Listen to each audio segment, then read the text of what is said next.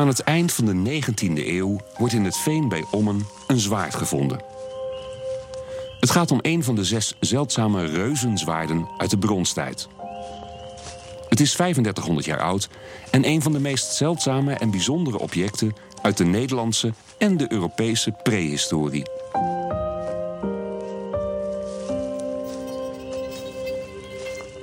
Het Rijksmuseum van Oudheden in Leiden had al bijna een eeuw een oogje op het zwaard. Toch duurde tot 5 juli 2017 voordat het RMO het topstuk weet te bemachtigen. Plaats van handeling: Veilinghuis Christie's in Londen. Prijs: ruim een half miljoen euro. Ik ben Gerard Oonk. Dit is Eenmaal Andermaal. Met de ontdekking van het zwaard van Ommerschans. Een podcast van de vereniging Rembrandt, gemaakt door BNR. Over bijzondere kunstvoorwerpen en hun reis naar het museum. Laten we dit verhaal maar beginnen als een sprookje. Want dat is het. Bereid je voor op interessante plotwendingen, bijzondere hoofdrolspelers en een gelukkige afloop. Er was eens een landarbeider die Geert Remmelt heette. Hij mocht rond 1900 bremsnijden en turf steken op het terrein van de Duitse industrieel Eduard Lübs. Geert treft op een goede dag een groot bronzen zwaard aan in het veengebied bij Ommen. Op het zwaard ligt een hele serie gebruiksvoorwerpen, waaronder een scheermes, een priem, naalden, vuursteentjes en een stenen bijteltje. Het verhaal gaat dat de hele verzameling op een verhoging van berkenstammetjes lag. Klinkt toch echt als een sprookje, of niet? Luc Amkreutz, conservator prehistorie bij het RMO, houdt meer van wetenschappelijke feiten. Al hoor je ook bij hem verwondering. Ja, goed. Het is in 1896 opgegraven en er was geen archeoloog bij. Dus het is de vraag wat men in de tijd precies gezien heeft. Maar uh, het zou zeker kunnen dat het op een uh, plateau in zo'n moerassig gebied is achtergelaten. Dat is een van de grootste mysteries van, van deze periode. Dat dus hele bijzondere, kostbare objecten eigenlijk in dit soort gebieden eindigen, geofferd worden. Er vindt op dit moment heel veel onderzoek plaats naar die praktijk. En dan hebben we het over depositiepraktijk, eh, met name in de metaaltijd, met name in de bronstijd. Waarbij dus uh, kostbare voorwerpen, in ieder geval nog bruikbare voorwerpen, brons kun je altijd weer omsmelten, eindigen op plekken waar je er niet meer aankomt. Je offert eigenlijk iets heel kostbaars op. Door het in een rivier te gooien of door het in een moeras te laten liggen of afzinken. En uh, dat is wel iets waar we nu uh, veel onderzoek naar doen. Of we ooit helemaal gaan begrijpen waarom men dat deed, uh, dat, dat blijft een grote vraag. Er blijven blijkbaar vragen, terwijl we op zoek zijn naar antwoorden. Is er dan echt helemaal niets te zeggen over het nogal vreemde verschijnsel dat onze voorvaderen kostbare voorwerpen achterlieten in waterrijk gebied? Ik vergelijk het altijd een beetje met, uh, stel dat de burgemeester van Leiden het Rapenburg oploopt, de hele stad is uitgelopen en doet zijn gouden ambtsketting af en flikkert hem zo in het Rapenburg. Ja, dat is voor ons een totaal niet logische handeling. Hè. Dat vertegenwoordigt in ieder geval een, een soort uh, financiële waarde. Maar het is ook een handeling die enorm veel indruk maakt op de mensen die aanwezig zijn, die dat waarschijnlijk nog generaties lang navertellen. En ook de plek waar dat gebeurt krijgt waarde, want dat is de plek waar ooit die ketting verdwenen is in dat water. Dus zo zit, is er een samenspel tussen object, tussen gemeenschap, tussen landschap, wat voor die mensen in de tijd enorm veel betekenis had. Ook enorm logisch was. Misschien dat het een offer was aan de goden om een veilige af te dwingen, om een handelsroute intact te houden, om een goede oogst af te dwingen, om vrede te sluiten met, met een naburige gemeenschap. In dit soort sferen moeten we dat zoeken. Het is het is een, een offer om iets heel langdurigs en waardevols te bewerkstelligen. Veenwerker Geert Remmelt is waarschijnlijk wel tevreden met zijn ontdekking. Want hij neemt de hele verzameling voorwerpen mee naar huis. Het plezier is echter van korte duur. De landarbeider moet zijn schat vrijwel direct overdragen aan een boswachter die in dienst is van de familie Lubs. Deze meneer Zeeman timmert de spullen op een plank van een berkenboom. Daar kan dus ook het romantische beeld van dat plateau van berkenstammetjes zijn ontstaan. Hoe dan ook, het hele handeltje wordt als een trofee opgehangen aan de muur. Pas in 1927 wordt de vondst breder bekend. Jan-Hendrik Holweda, de toenmalig directeur van het Rijksmuseum van Oudheden, brengt een bezoek aan Ommen. De burgemeester leidt hem rond en samen komen ze terecht bij de wand met de curiosa van de boswachter. Op dat moment begint de interesse van het RMO voor het zwaard van Ommerschans. Holverda is, behalve museumdirecteur, ook archeoloog. En hij is meteen razend enthousiast over wat hij ziet. Hij mag na lang aandringen de spullen mee naar Leiden nemen om ze te documenteren. Holverda maakt foto's en ook een gipsen afgietsel van het zwaard. Als hij de vondst vervolgens voor het museum wil aanschaffen, stelt Eduard Lubs zulke onredelijke eisen dat de koop niet doorgaat. De originele moeten binnen een maand weer terug naar Ommen. Na de Tweede Wereldoorlog in de jaren 50 doet het RMO opnieuw haar best om de voorwerpen te kopen. Ook dit keer loopt het op niets uit. De Duitse eigenaren blijven vasthouden aan hun bezit. Hun nee lijkt definitief. Het zwaard verdwijnt opnieuw uit zicht. Conservator Luc Amkreutz pakt begin deze eeuw de kweesten van het RMO nog eens op. Hij doet zijn best om een betere band met de familie Lubs te krijgen. En dat lijkt te lukken, want er wordt voorzichtig gesproken over het uitlenen van het bronzen zwaard. Het RMO wil namelijk tijdens een unieke expositie alle zes gevonden zwaarden samenbrengen. Dat zou dan voor het eerst sinds de bronstijd zijn. Hoe bijzonder is dat? Maar dan wordt de vondst van Ommerschans in 2017 plotseling aangeboden bij Christie's in Londen. Amkoorts is not amused. Ja, onze insteek was eigenlijk helemaal niet nu om het aan te kopen, omdat dat in het verleden altijd misgegaan was. Maar juist om een bruikleen te regelen voor die tentoonstelling, waarin we ze voor het eerst sinds de bronstijd alle zes bij elkaar wilden brengen. Uh, uiteindelijk heeft men daar dus nee op gezegd, zelfs na ministeriële garantie van minister Bussemaker. En ik was dus zwaar teleurgesteld, want eh, ja, ik wilde eerst een band opbouwen en dan eens kijken van of de tijd misschien rijp was. Eh. Maar zo liep het dus niet. En, uh, maar toen kwamen ze dus zelf mee dat ze het wel aan het museum wilden verkopen, maar vrij snel daarna ook met de mededeling dat ze naar Christie's zouden gaan.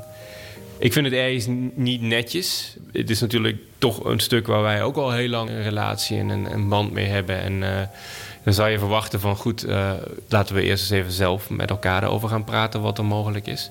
Tegelijkertijd, ja, ik kan niet kijken wat daar allemaal gespeeld heeft. En, en dan is een veiling een heel objectieve manier voor zo'n familie misschien om een keuze te maken wat ze ermee willen doen. Alleen, ja, als museum ben je dan wel aan de wolven overgeleverd natuurlijk. En, uh, en, en daar behaalde ik wel van.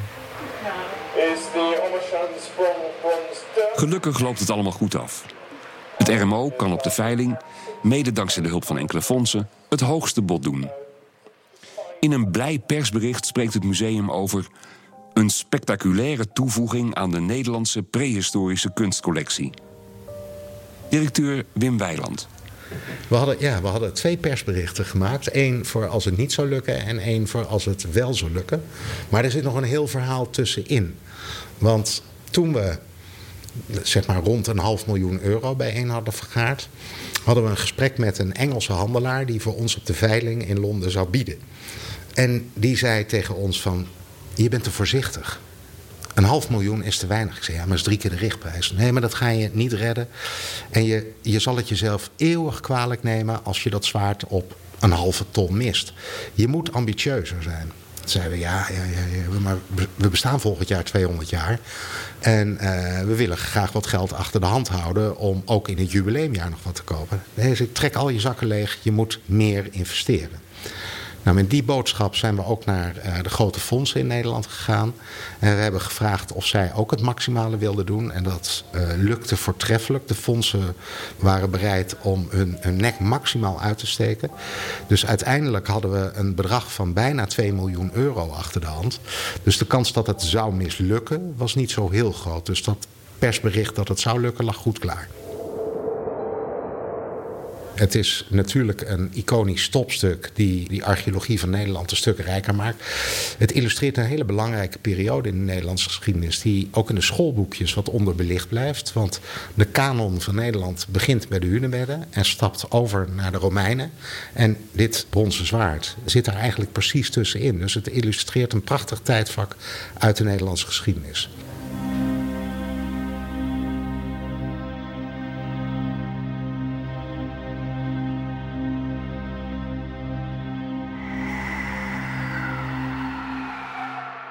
Er is heel veel gepubliceerd over het zwaard van Ommerschans.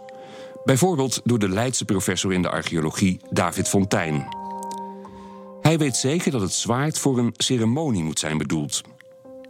Ook hij heeft overigens nog geen idee wat die ceremonie is geweest en wat de betekenis van het zwaard daarbij was. In ieder geval is zeker dat het bronzen gevaarte nooit bedoeld is geweest om mee te vechten. De hoogleraar beargumenteert dat door te wijzen op het enorme gewicht van het zwaard. Het was te groot en te onhandig. Er heeft zelfs nooit een handvat aangezeten, je kon er niet eens lekker mee zwaaien. Het lijkt vooral op een artistieke en symbolische weergave van een wapen. Fontijn denkt dat het uitsluitend is gemaakt om macht en status te benadrukken. De bewerking van brons was een belangrijke culturele vernieuwing in de prehistorie. De technologie kwam rond 2000 voor Christus vanuit het Midden-Oosten overwaaien naar Europa. Dit specifieke zwaard is van de hoogste kwaliteit. Er zijn geen zichtbare gietfouten of andere onvolmaaktheden. En het decoratieve design moet zijn gemaakt door een zeer professionele bronsmid. De waarde is enorm. Luc Amkreutz. Het gaat sowieso om een hele hoop brons. Hè. Brons is een uh, legering van koper en tin. En uh, dat komt niet overal voor. Dus om dat bij elkaar te brengen, dat, dat is een investering. En uh, daarnaast is dit van een dergelijk technisch niveau... dat het echt tot de top van zeg maar, het, het bronschieten behoort. Het is echt de top van het ambacht, van het vakmanschap. Dus een meestersmid heeft dit stuk en die overige vijf die we kennen dus gemaakt.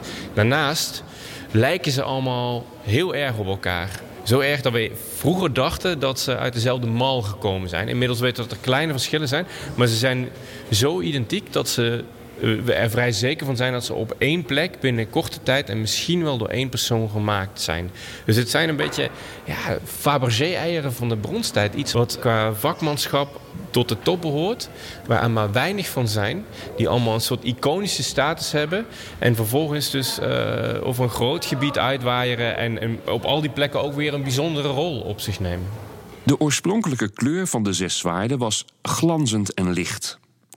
Door de eeuwen heen is de buitenkant groen uitgeslagen door een doffe corrosielaag van koperroest.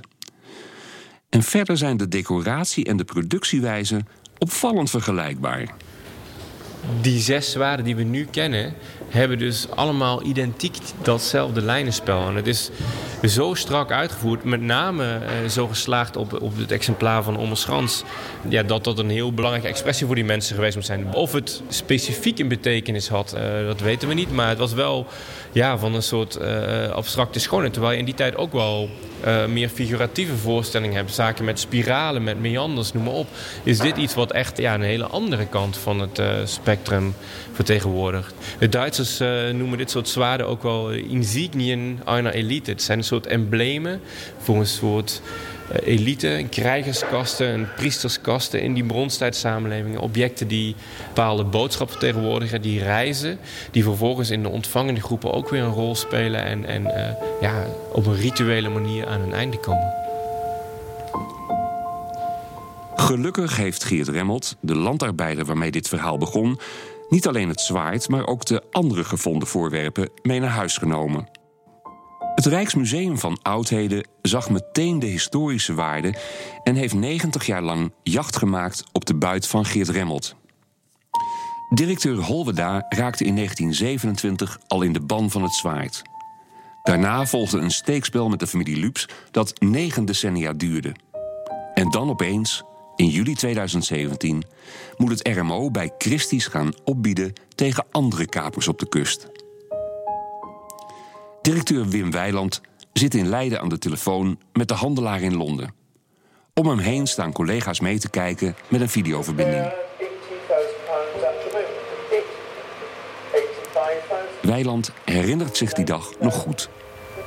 Luc is die dag van de bieding uh, eigenlijk de hele dag buiten op straat geweest en heeft rondjes om de kerk gelopen van de zenuwen. Ik was natuurlijk ook zenuwachtig, maar we zaten hier, hier achter mijn computer in deze kamer. En ik dacht, ja, als het met zoveel geld mislukt. En ik vond het zo'n onwaarschijnlijk hoog bedrag dat ik dacht, dit kan niet mislukken. Maar je weet het nooit. Ietsje voor dat zwaard werd er een bronzen spiegel, een Etruskische spiegel geveld. Die had een richtprijs van 15.000 pond en die ging weg voor 390.000.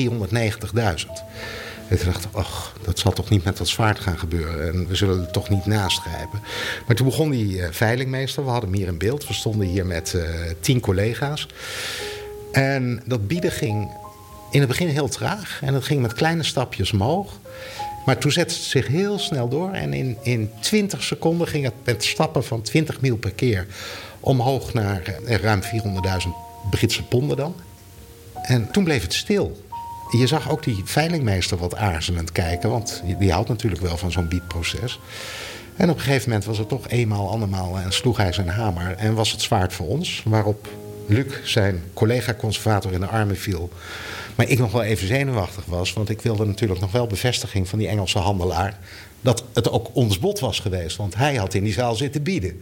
Nou, die appte binnen een minuut dat het inderdaad gelukt was. En toen waren we allemaal heel gelukkig. En hebben we diezelfde dag ook champagne aan uh, laten rukken.